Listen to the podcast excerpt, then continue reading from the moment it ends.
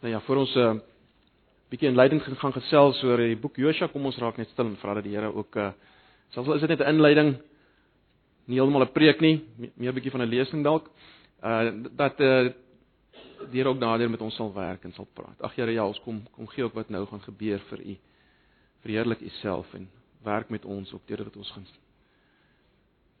gaan hoor en gaan sien en uiteindelik gaan oordink Want Here ons weet ook die boek Josua uiteindelik soos Romeine 15 dit noem is opgeskryf vir ons sodat ons die lewens kan leef in hierdie wêreld wat U wil hê ons moet leef. En in die lig daarvan kom ons na U toe en ons vra U hulp. Asseblief, ons vra dit in Jesus se naam. Amen. Goed, as ons uh, na 'n boek kyk soos uh, Josua, is die belangrikste belangrike vraag om eerstens te vra is waar pas hierdie boek in die groter verhaal in? Ek sê die groter verhaal want ons het al vir mekaar gesê die Bybel is is een groot ware verhaal van die werklikheid, né? Nee.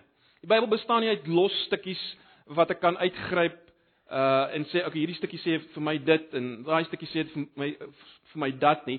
Die Bybel is bedoel om as te lees as een groot verhaal, verhaal wat 'n begin het en 'n verhaal wat uiteindelik 'n einde het. Dis 'n een eenheid. Uh ons het al daaroor gepraat, ek gaan nie te veel daaroor uitbrei, maar dit is baie belangrik as ons na 'n boek soos Joshua kyk om om dit te verstaan. Joshua is deel van hierdie groot verhaal. Um 'n verhaal wat begin in Genesis, 'n verhaal wat eindig in Openbaring. Die Joshua kom as met nog nader aan sy plek uh kom, Joshua kom voor uh in die Pentateeg of of laat ek so sê net na die Pentateeg, net na die eerste 5 boeke, né? Nee. Dis waar Joshua uh, inpas, net na die eerste 5 boeke wat natuurlik ook 'n een eenheid is, né? Nee. Uh die eerste 5 boeke is ook 'n een eenheid. Gepraat van die eerste 5 boeke, wat kry ons in die eerste 5 boeke? Hier aan die begin van die groot verhaal, wat kry ons? Wel, julle sal onthou, ons het Genesis gedoen, dis al 'n bietjie lank terug. Uh in Genesis sien ons Genesis begin waar God se mense daai stadium Adam en Eva, God se mense is op die plek waar God hulle wil hê. En hulle staan onder God se woord. En hulle is in 'n volkomme verhouding met mekaar en 'n volkomme verhouding met God en hulle is in 'n in 'n goeie verhouding met die geskape werklikheid rondom hulle. Dis waar dis waar die die verhaal begin. God se mens op God se plek onder sy woord.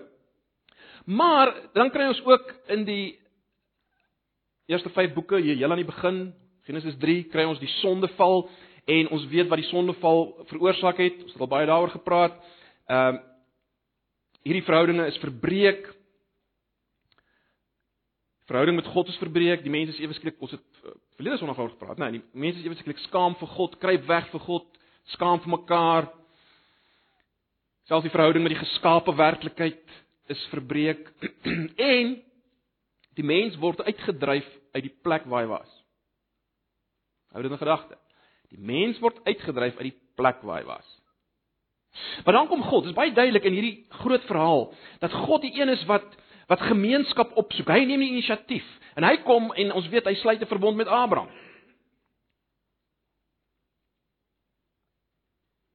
Hy sê ek wil vir jou God wees. En jy my volk wees, maar baie belangrik, hy maak 'n paar beloftes wat baie belangrik is vir alles ons nou na ehm um, na Joshua gaan kyk. Hy sê gaan jou nageslag vermeerder. Die sand soos die sand van die see en die sterre van die hemel. So 'n groot nageslag is iets wat belangrik is. Maar dan en dis eintlik die die ding waarop ek ver oggend ook meer wil fokus. God beloof aan Abraham dat sy nageslag weer 'n plek gaan hê waar hulle sy sy mense gaan wees. 'n Land So die die die land word beloof. Die land word beloof. En natuurlik ook word seën beloof.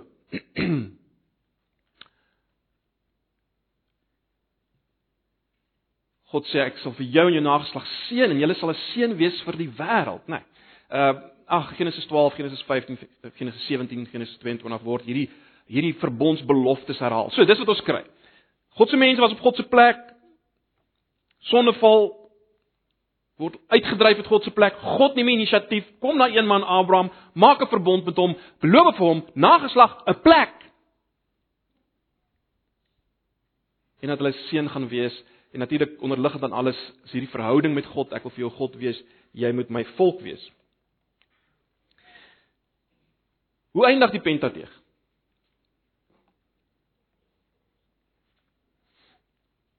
As ons kom teen die einde van Deuteronomium, wat wat sien ons? Wel, baie interessant. Ons sien hoe God se beloftes waar geword het. Die die groot nageslag byvoorbeeld. Julle sal onthou het ons Eksodus gedoen het. Hier in Eksodus se begin, oor en oor word daar gesê en hulle het vermeerdering baie geword. Dieselfde taal as wat gebruik word uh in die belofte aan Abraham. Daar word moeite gedoen om te wys hoe hierdie volk vermeerder het. Geweldig as jy dit eers begin raak sien. 'n Ander ding wat ons sien is dat hierdie verhouding van God met sy mense word uitgebrei, né? Die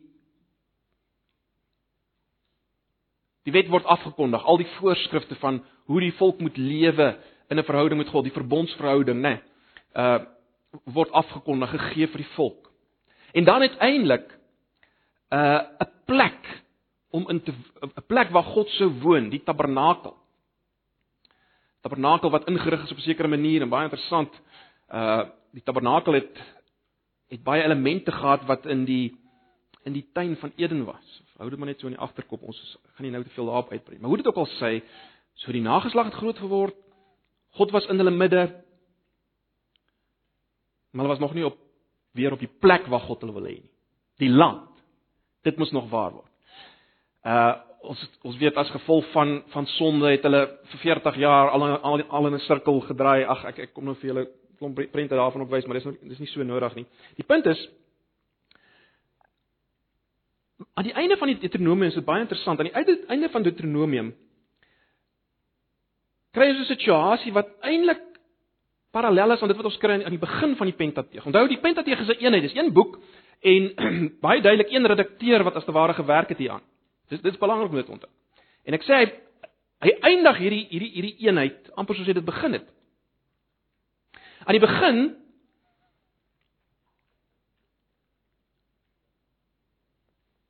was Eden voor die mens gewees. Maar hy moes leef in gehoorsaamheid aan God. Solank daar gehoorsaamheid was, was daar as jy wil seën lewe ongehoorsaamheid sou wees as jy die woord wil gebruik vloek en 'n uitdryf uit die plek waar hulle was. Deuteronomium eindig op dieselfde manier. Die volk was het as te ware gestaan voor die land. Maar as jy Deuteronomium gaan lees, is dit baie duidelik, hulle moes leef in die land in gehoorsaamheid aan God. Gehoorsaamheid sou seën wees in die land, die plek waar God wil hê. Ongehoorsaamheid sou vloek beteken en uiteindelik 'n uitdryf uit die land. Alraai, so dis belangrik.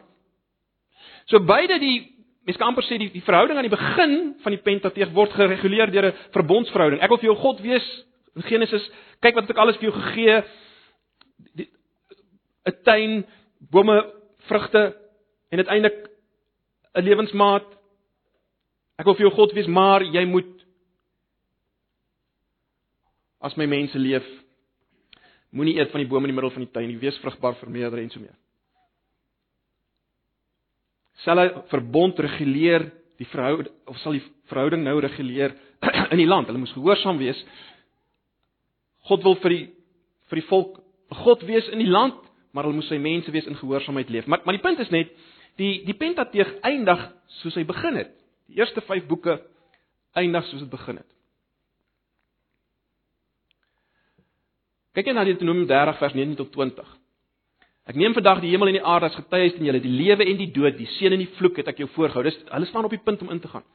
Kies dan die lewe dat jy kan lewe, jy en jou nageslag, deur die Here jou God lief te hê en na sy stem te luister en hom aan te hang, want dit is jou lewe en die lengte van jou dae sodat jy kan woon in die land wat die Here aan jou vader Abraham, Isak en Jakob met eed beloof het om dit aan hulle te gee. Ek het die land daar rooi gemaak want dis 'n groot issue. Want as ons kom in Joshua dan dis hoe Josua begin. My knegt Moses is dood. Maak jou dan nou klaar, trek deur hierdie Jordaan, jy en hierdie hele volk na die land wat ek aan hulle die kinders van Israel sal gee. En dan gee hy beskrywing in vers 4 van die woestyn en hierdie Libanon af tot by die groot rivier, die Efrat rivier, die hele land van die Hittite af tot by die groot see in die weste sal julle grondgebied wees. Dis waar Joshua begin. So Deuteronomium eindig met die belofte. Onthou al wat nog nie in hierdie verhouding of wat ek so sê al wat al al belofte wat nog nie waar geword het nie was die belofte van die land in 'n sin. En dis hoe Joshua begin. God wat sê hulle moet nou hierdie land inneem. Maar kom ons dink 'n bietjie oor hierdie land. Die land Kanaan. Nou ehm uh, in terme van van die van die van die huidige kan ek sê geografie van die land die land Kanaan beslaan of het 'n gebied beslaan wat wat vandag ehm um, die moderne staat Israel insluit, maar ook die uh, die hele Jordanië, uh, 'n groot deel van Saudi-Arabië, die helfte van Irak, uh die hele Libanon, 'n deel van Sirië uh en die hele Kuwait. Uh in vandag se terme, dit was die gedeelte wat wat bekend gestaan as Kanaan. As Kanaan. Ehm um, die nasies wat daar gebly het, ek is so prentjie, maar dit is dalk bietjie klein, maar dis al daai stammetjies, né?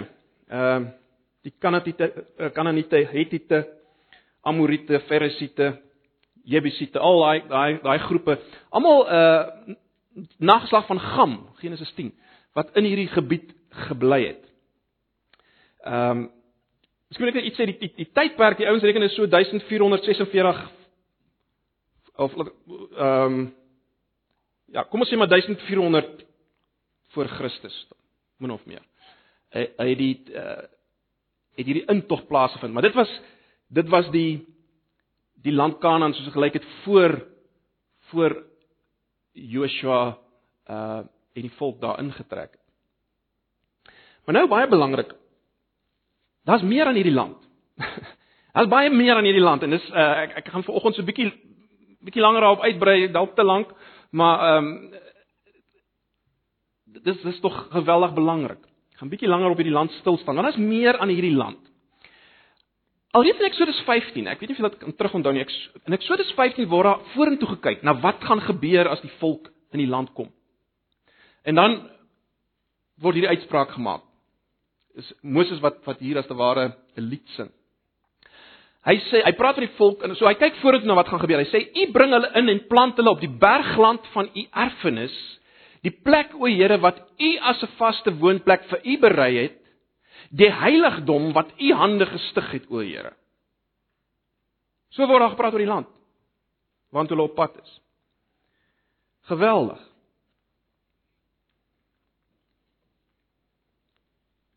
Geweldig.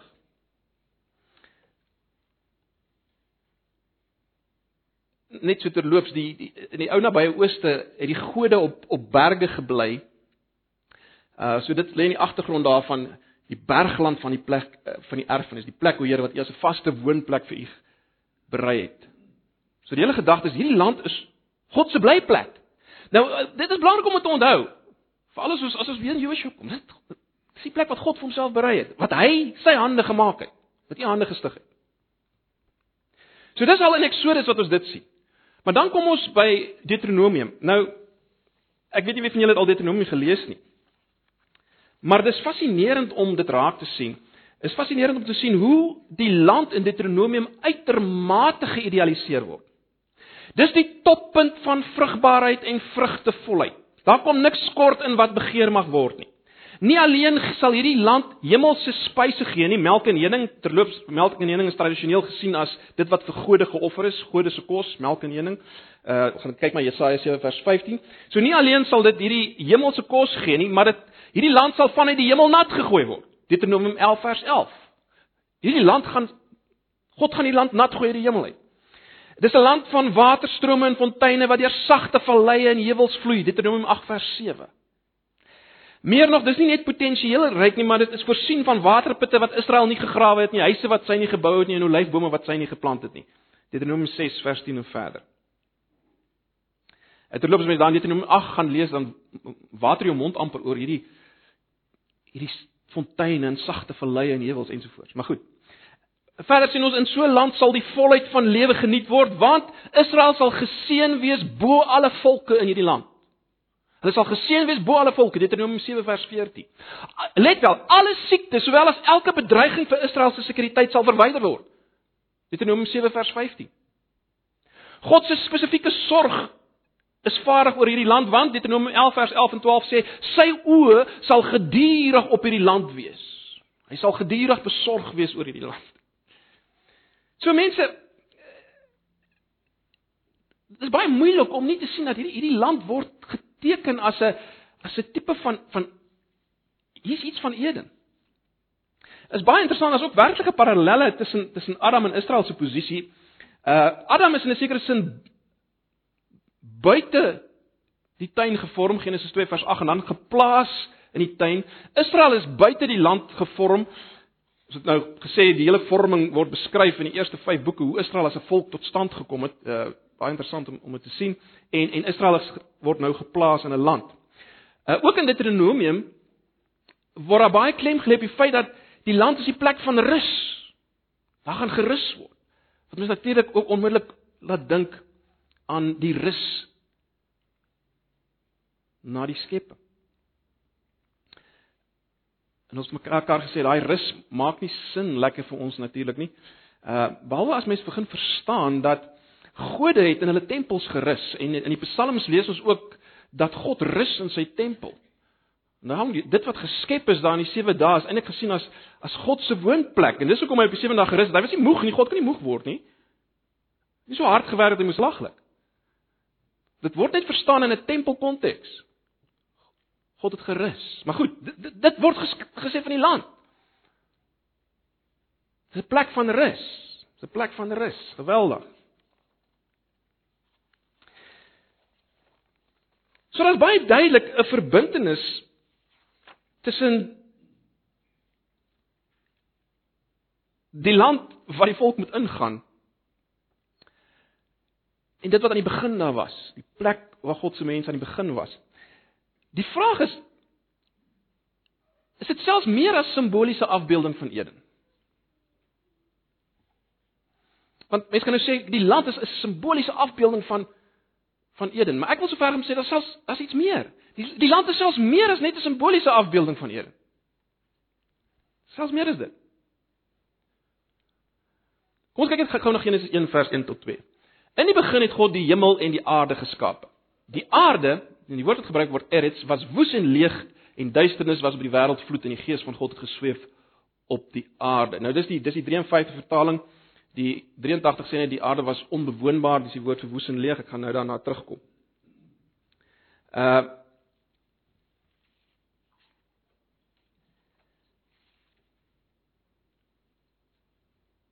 Ek het hemel en aarde in rooi gesit en aarde in rooi omdat ek iets daaroor wil sê.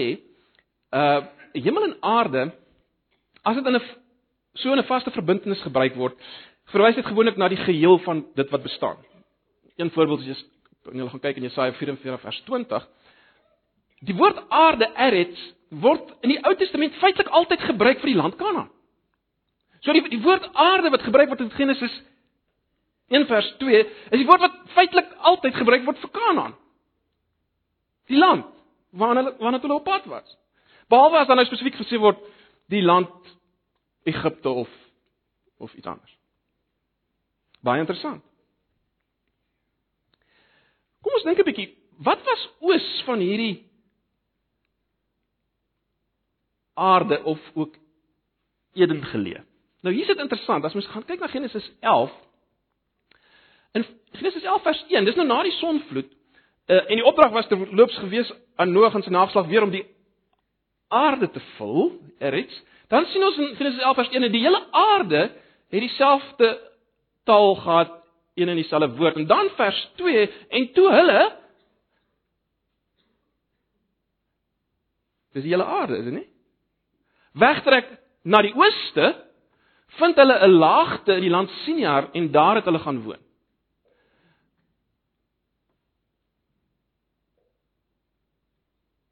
En hierdie land Siniar is niks anders as waar Babelonie nou is nie, Babel, né? Nee. Genesis 11 vers 9 en Genesis 10 vers 10 help ons. Uh wys na na die na die feit dat uh, hulle dit Babel genoem het. In die begin van dit word gepraat van Nimrod spesifiek daar. In die begin van sy ryk was Babel en Ereg en Akkad en Kalne in die land Siniar. Jy sien, Babel in die land Siniar. Babel was in die land Siniar. Dit was en dit was volgens hierdie verse oos van waar hierdie hele aarde se mense was. Was oos daarvan was hierdie land Siniar en dit is Babel. Baie interessant in Genesis uh, 3 vers 22 tot 24 na die sondeval word die word die eerste mense ooswaarts uitgedryf uit die tuin. Word ooswaarts uitgedryf uit die tuin. En dan word die tuin bewaak, julle sal weet deur engele met ontblote swaarde.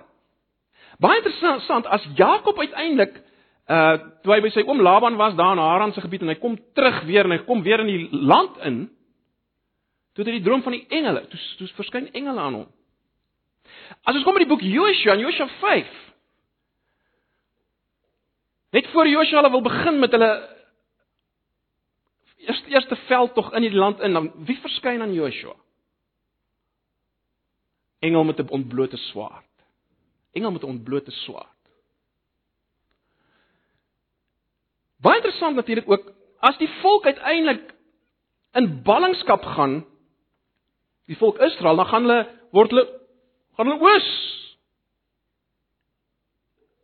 ballingskap Nou, kom ons dink 'n bietjie aan hierdie terme woes en leeg.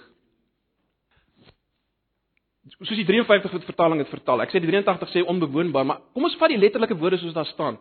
Julle sal onthou die aarde Die Eretz was woes en leeg. Kyk nou wat hoe word dit beskryf? Hoe word dit beskryf dit wat gaan gebeur in die ballingskap? Die verwoesting in die ballingskap. In Jeremia en ek het na die aarde gekyk. Die aarde, die Eretz. En dit was woes en leeg, ook na die hemel en sy lig was daar nie. Ek het na die berge gekyk en hulle het gebewe en die heuwels het geskit. Ek het gekyk en daar was geen mens nie en al die voëls van die hemel het weggevlieg. Ek het gekyk na die land van tuine was 'n woestyn en al sy stede was afgebreek voor die Here voor sy groet. Baie duidelik word word hier gepraat van die land Kanaan, né? God se volk se land. Dis wat gaan gebeur met ballingskap. En maar kyk die woorde wat gebruik word. Dit gaan weer die land en al sy stede sal dit was alswy woes en leeg word, onbewoonbaar word. Maar daar word gepraat baie duidelik van die land Kanaan, die land van die volk van die Here. As dit gekyk word na die terugkom uit ballingskap word die volgende terme gebruik want die Here vertroos Sion sy volk. Hy vertroos al sy pyn en maak sy woestyn soos Eden en sy wildernis soos die tuin van die Here. Vreugde en blydskap sal daarin gevind word, danksegging en die klank van liedere. Dis wat gesê word sal gebeur na die ballingskap. Weer met God se land. Uh, ook Jesegiel 34 tot uh, ek dink is seker vers 35. En die verwoeste land sal bewerk word in plaas dat dit 'n wildernis is voor die oë van almal wat verbygaan en hulle sal sê hierdie land wat verwoes was het geword soos die tuin van Eden en die stede wat in pyn gelê en verwoes en afgebreek was is versterk en bewoon. So julle sal sien die terme wat gebruik word vir die vir as die land in ballingskap gaan en verwoes word, dis dieselfde terme wat gebruik word voor die Eretz in Genesis 2. Uh vorm gekry. So dis word. Kom ons dink 'n bietjie geografies. Waar is Eden geleë? Kyk bietjie ek het dis die 53 vertaling. Nou, wat presies ons eers moet onthou, hier word ou antieke name gebruik wat later nie meer in gebruik was nie. Ehm um, ons weet nie hoe die situasie verander het die die die die na die sonvloed ensovoorts nie. So baie van die dinge weet ons eenvoudig nie wat hier aangaan nie, maar daar's 'n paar goed wat ons wel weet. Ons lees in Genesis 2 vers 10 en daar het rivier uit Eden uitgegaan om die tuin na te gooi. Net eh, terloops is tog belangrik dat ons nie sal praat van die tuin van Eden asof uh dit 'n tuin is genaamd Eden nie. Dit dis Eden en daar's 'n tuin in Eden. Goed, dis net belangrik. En daar het 'n rivier uit Eden uitgegaan om die tuin nat te maak. En daarvan is dit verdeel en het vier lope geword. Die naam van die eerste is die Pison, dis hy wat die hele land Havila loop waar die goud is. Ons weet nie presies wat dit is nie. Die goud van die land is goed, daar is ook balsam, gom en onyksteen. En die naam van die tweede rivier is die Gihon, dis hy wat om die hele land kus loop. Nou hier het ons wel 'n idee want kus in die Bybel word gewoonlik in verband gebring met Egipte en uh, ook verder in uh, Noord-Sudan en en en en selfs verder. Ehm um, en die derde rivier is die dis die ou vertaling sê die Hiddekel, dis hy wat oos van Aser loop. Dis baie duidelik uh, die die Tigris en dan die vierde rivier is die Frat en ons weet dis die Efrat. As ek net vir julle wys die 83 vertaling byvoorbeeld uh, vers 13 die tweede rivier is die Gihon en loop rondom hele kus, die derde is die Tigris wat oos van Assirië verbyloop en die vierde is die Efrat. So daai is vaste punte. Die Gihon en die Efrat weet ons en, en die Tigris weet ons. Uh net 'n Engelse vertaling het die uh dieselfde as ons sien in the fourth river is die Efrat as dit is die ESV. So ons het min of meer 'n idee van hoe lyk dit, né? Nee. Dis die vaste punte. En daar is die ehm um, is die die Gion ehm um, ek sal net wys dat hierdie Gion word ook genoem die ehm die rivier van Egipte.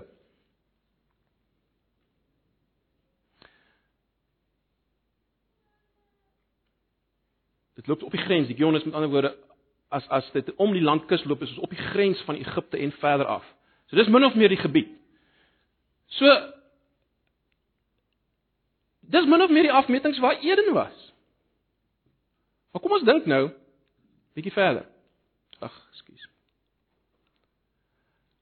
Wat was die belofte aan Abraham? Genesis 15 vers 18. Tot aan Abraham.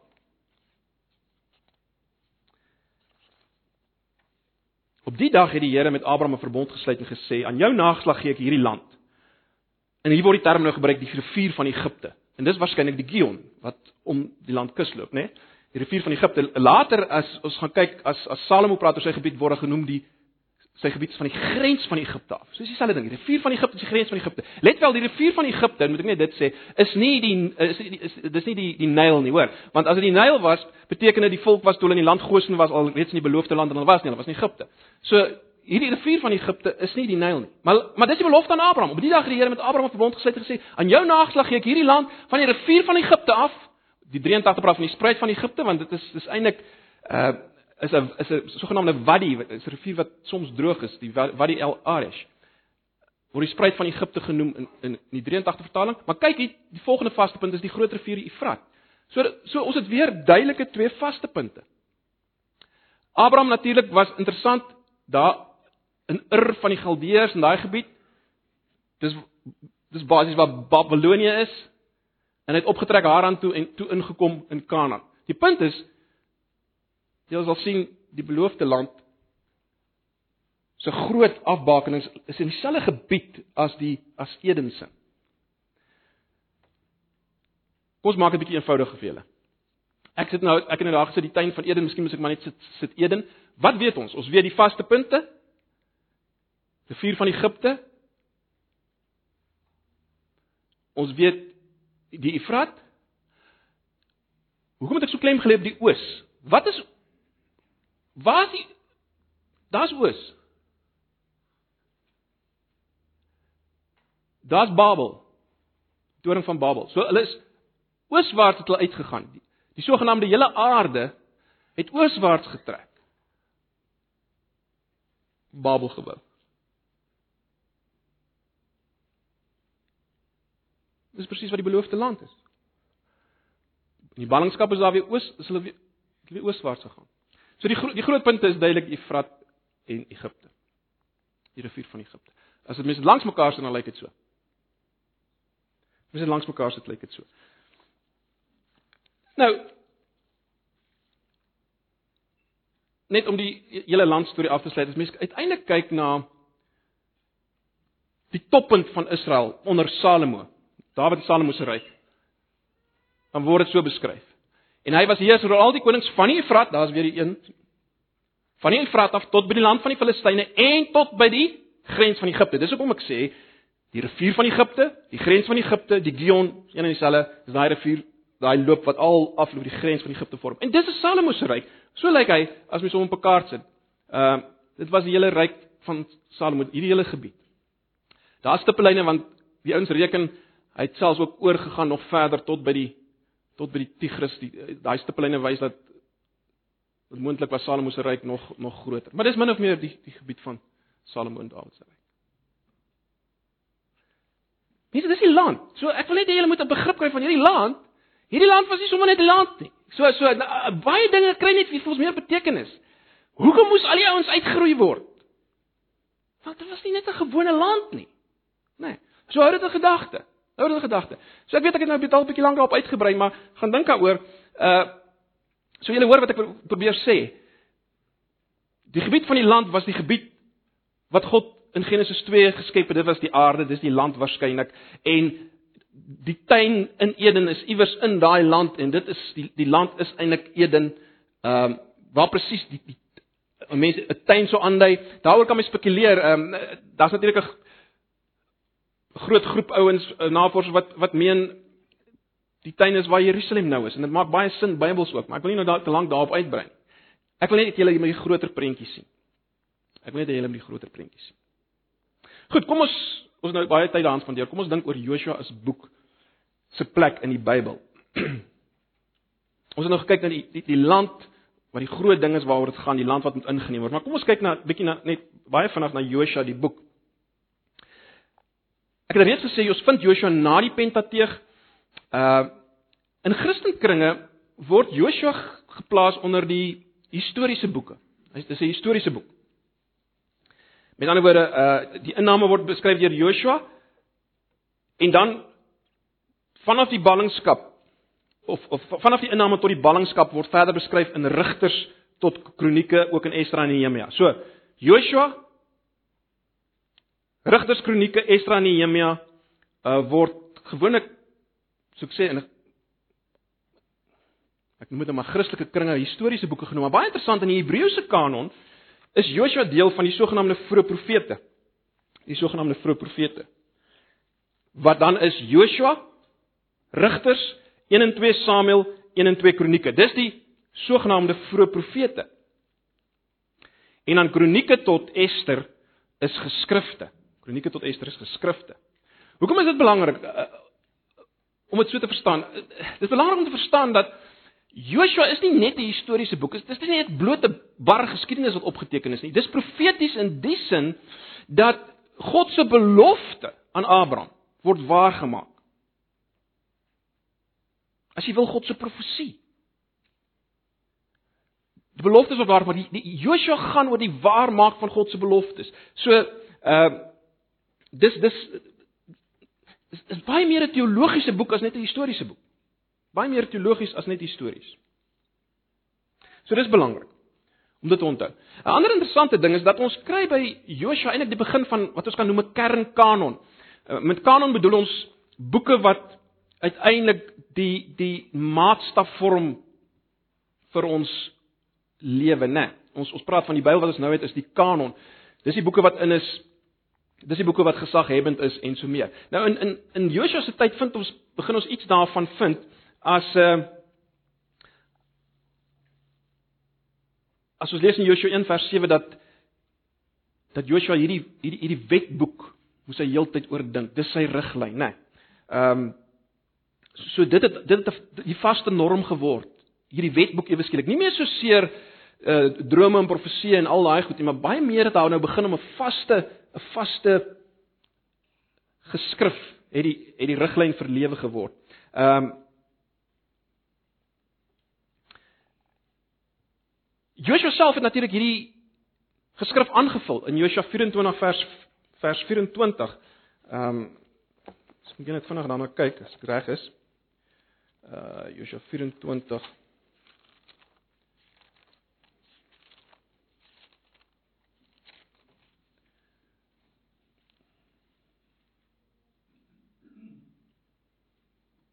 Uh ja, Joshua 24 vers 26. Lees ons en Joshua het hierdie woorde in in die wetboek van God geskryf en 'n groot klip geneem en en het, en het daar opgerig. So Joshua het ook woorde in hierdie wetboek geskrywe, Joshua 24 vers 26. Maar hier het ons die begin van 'n hierdie wetboek wat die riglyn sou wees, baie interessant.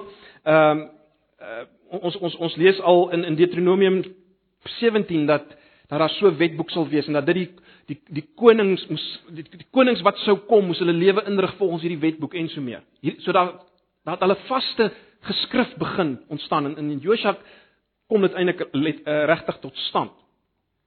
Ehm um, ons weet Samuel het ook later natuurlik bygevoeg by hierdie by hierdie uh, sogenaamde wetboek. So dit 'n nuwe tydperk in in uh, ingelei, nê, nee, tydperk waar nou iets vas op skrif al was. Wie was die skrywer van die boek Joshua? Wie was die skrywer? Nou, dis onseker wie die boek Joshua geskryf. Daar is sommige ouens wat meen dis Joshua self soos die die die die, die sogenaamde Talmud wat so 200 na Christus tot stand gekom het. Hulle sê Joshua is is die skrywer en is aangevul deur deur die priester Eliaser. Ons het nou gesien in Joshua 24 vers 26 Joshua het definitief dele geskryf, maar daar's baie dele wat uh, dit baie duidelik is daar het 'n redakteur gewerk aan die boek Joshua. Dinge wat geskryf is wat Joshua nie self kon skryf nie. Byvoorbeeld, uh die dood van Joshua en Eliezer word beskryf. En dan is daar 'n frasetjie wat bes, wat so lees, dit is vandag nog so. Ag keer kom dit voor. Dit is vandag nog so. Nou dis nie almal seker waarna verwys die vandag nog nie, maar dis duidelik 'n latere tydperk, né? Nee. Die uh, redakteur wat wat sê dit wat daar gebeur het, dis vandag nog so. So so dit kom so 8 keer voor en so dit wys dat dit op 'n ander ander tydperk is dit saamgestel. Dis nie Joshua self wat dit geskryf het nie. Uh daar was 'n redakteur wat gewerk het, waarskynlik voor die tyd van Dawid. Uh sekere dinge wat beskryf word plekke is eers in Dawid se tyd ingelyf. Ek wil nie nou daarop uitbrei nie. So dis wat die wat die skrywer betref. Wie was Joshua self? Wie was hy? Ons weet hy is die seun van Nun. Oorspronklik baie interessant. Uh was sy naam Hosea. Gaan lees maar daar in Numeri 13 vers 16. Maar Moses verander Joshua se naam na Joshua. Moses verander sy naam. Wat beteken die Here is verlosser?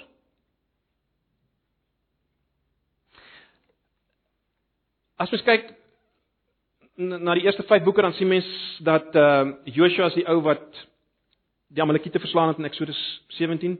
In Eksodus 24 is hy die een wat hy gaan saam met Moses op die berg. Hy kom saam met Moses af van die berg. Dis interessant in Eksodus 33 vers 11 is hy daar in die tent van ontmoeting en dan en dan lees ons dat hy hy hy, hy wil eintlik nie amper nie uitgaan uit die tent van ontmoeting. Hy bly daar waar God Moses ontmoet het. Hy kon God nie sien nie, maar hy was daar, hy het daar gebly. Eksodus 23 33 vers 11, baie interessant, gaan lees dit maar self. Uh Joshua is natuurlik een van die verkenners in in uh in Numeri 13. Uit Numeri 11 is eintlik duidelik dat hy van klein van jongs af al in diens van Moses was. Ons sal oor twee sonder iets daaroor weer sê. Uh hy hy was in Moses se diens van jongs af.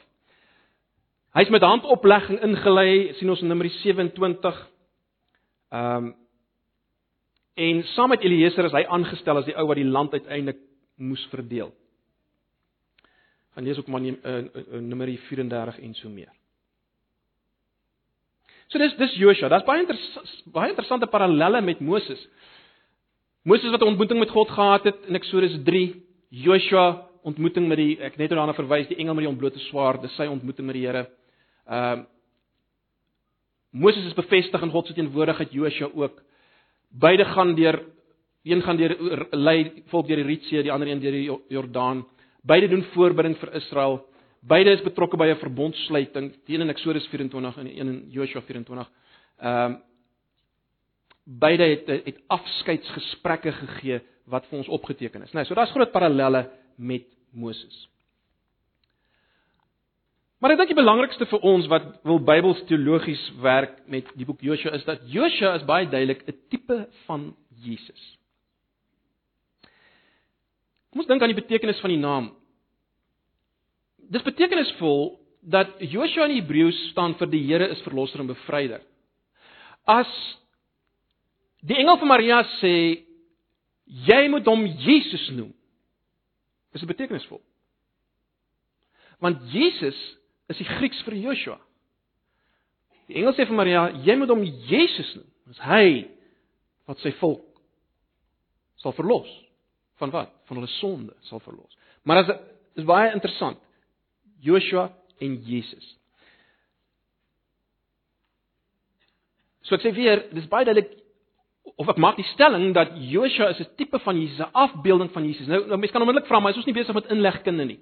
Uh lees ons nie te veel daarin nie. Ek dink Hebreërs 4 gee vir ons die reg om om om om om langs hierdie lyne te dink. Want Hebreërs 4 sê want as Joshua aan hulle rus gegee het, sou hy nie van 'n ander dag spreek nie.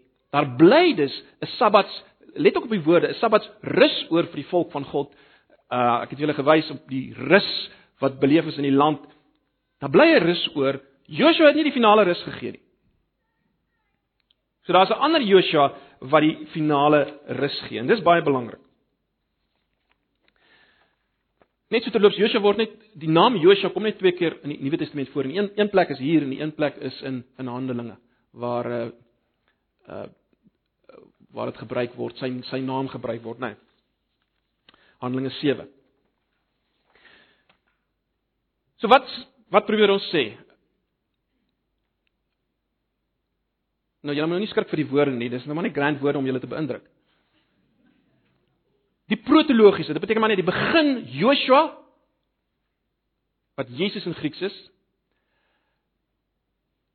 Daardie Joshua wat nie vir die Israel van God die finale rus kon gee nie, is 'n voorafskaduwing van die eskatologiese, dis die eind, die laaste Jesus Grieks wat ook Joshua beteken. Sien jy, die een is Joshua wat ook Jesus beteken, die ander een is Jesus wat ook Joshua Grieks Hebreëus.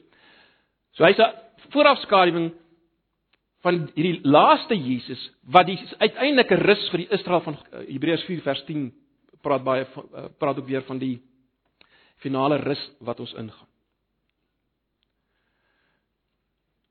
Ek het nou maar daar klomp goed geskryf, wil ek maar volg. So die die die hierdie hierdie hele paradigma wat ons nou van praat, hierdie begin Joshua en eind Joshua, protologiese eind Joshua, bind twee figure vir ons saam in die verlossingsgeskiedenis en dit bind twee eras saam in die verlossingsgeskiedenis. Joshua Jesus van Nun word gebind aan Jesus Joshua van Nasaret, né? Nee. Die era van inname en vestiging in die beloofde land word verbind met die era van die evangelie van die goeie nuus in 'n beter land. Die selfonthulling van God se plan aan die eerste die protologiese Joshua is 'n afbeelding van die selfonthulling van God se plan aan die eind Joshua. Wat Jesus is. En al daai dinge gaan ons ons gaan dit probeer raak sien uh, in die boek Joshua as ons deur die boek Joshua gaan. So as jy nie nou lekker by is nie, jy dit sal duidelik word. Al wat jy moet raak sien is dat daar's 'n groot verband en die Bybel self is nie inlegkunde nie. Wil hê ons moet 'n verband Eh, eh, lê tussen die eerste Joshua wat hy kom doen het en nie kon regkry nie en die, en die laaste Joshua Jesus wat hy kom doen het. Daar's 'n verband en ons sal ons gaan dit sien in die boek. Joshua en Jesus se oorwinning oorwinning en vestiging is belangrik. Albei is betrokke by oorwinning. Beide verower uh die land van belofte, as ek dit so kan stel, deur die vyand deur die vyande van God te verslaan en uiteindelik God se mense na die erfdeel te bring. Beide doen dit, né? Nee. Joshua het die vyande van God verslaan in die land. Ons sal daaroor praat. Jesus kom verslaan die die geestelike vyande, né? Nee.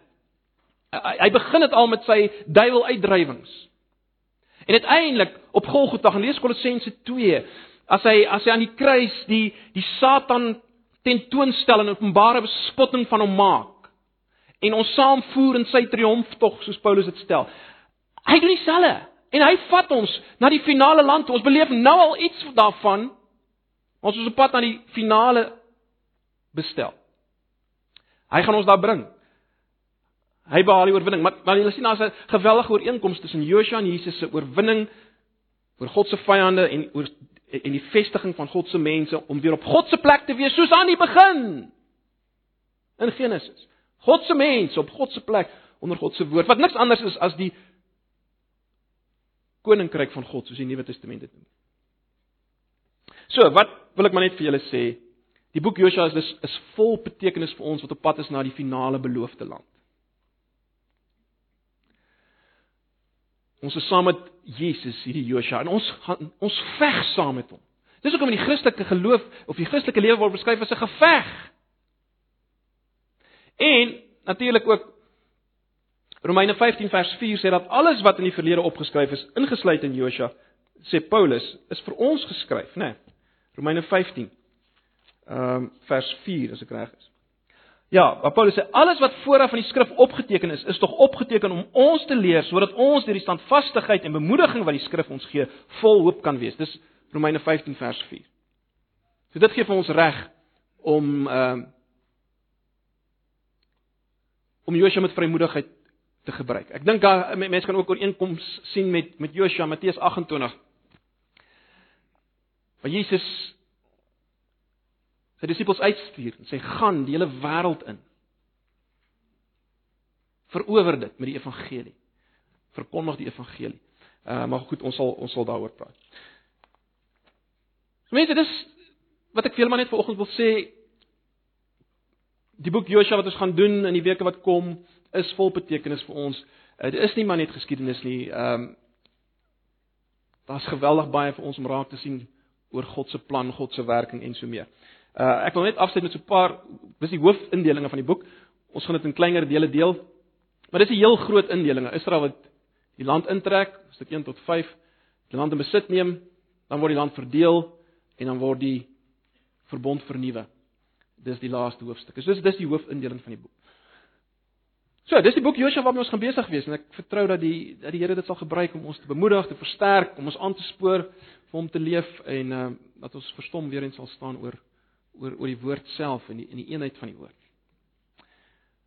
Goed, kom ons uh kom ons bid net saam en dan kan ons afsluit met 'n laaste lied. Ag Here, ja, baie dankie dat ons maar net iets kan sien van u grootheid en van die wonder van die woord en die eenheid in die woord. Wil U maar net hierdie boek gebruik ook in ons lewens, Here. Ons wat op pad is na die finale land toe. Onder ons leier Jesus. Asseblief. Ons vra dit in U naam. Ons gee onsself weer vir U. Ons wy onsself aan U in hierdie oggend. Mag nou die genade van ons Here Jesus en die liefde van God en die gemeenskap van sy Gees met julle wees en bly in hierdie week terwyl julle ook op pad is en besig is met die stryd op pad na die beloofde land. Amen.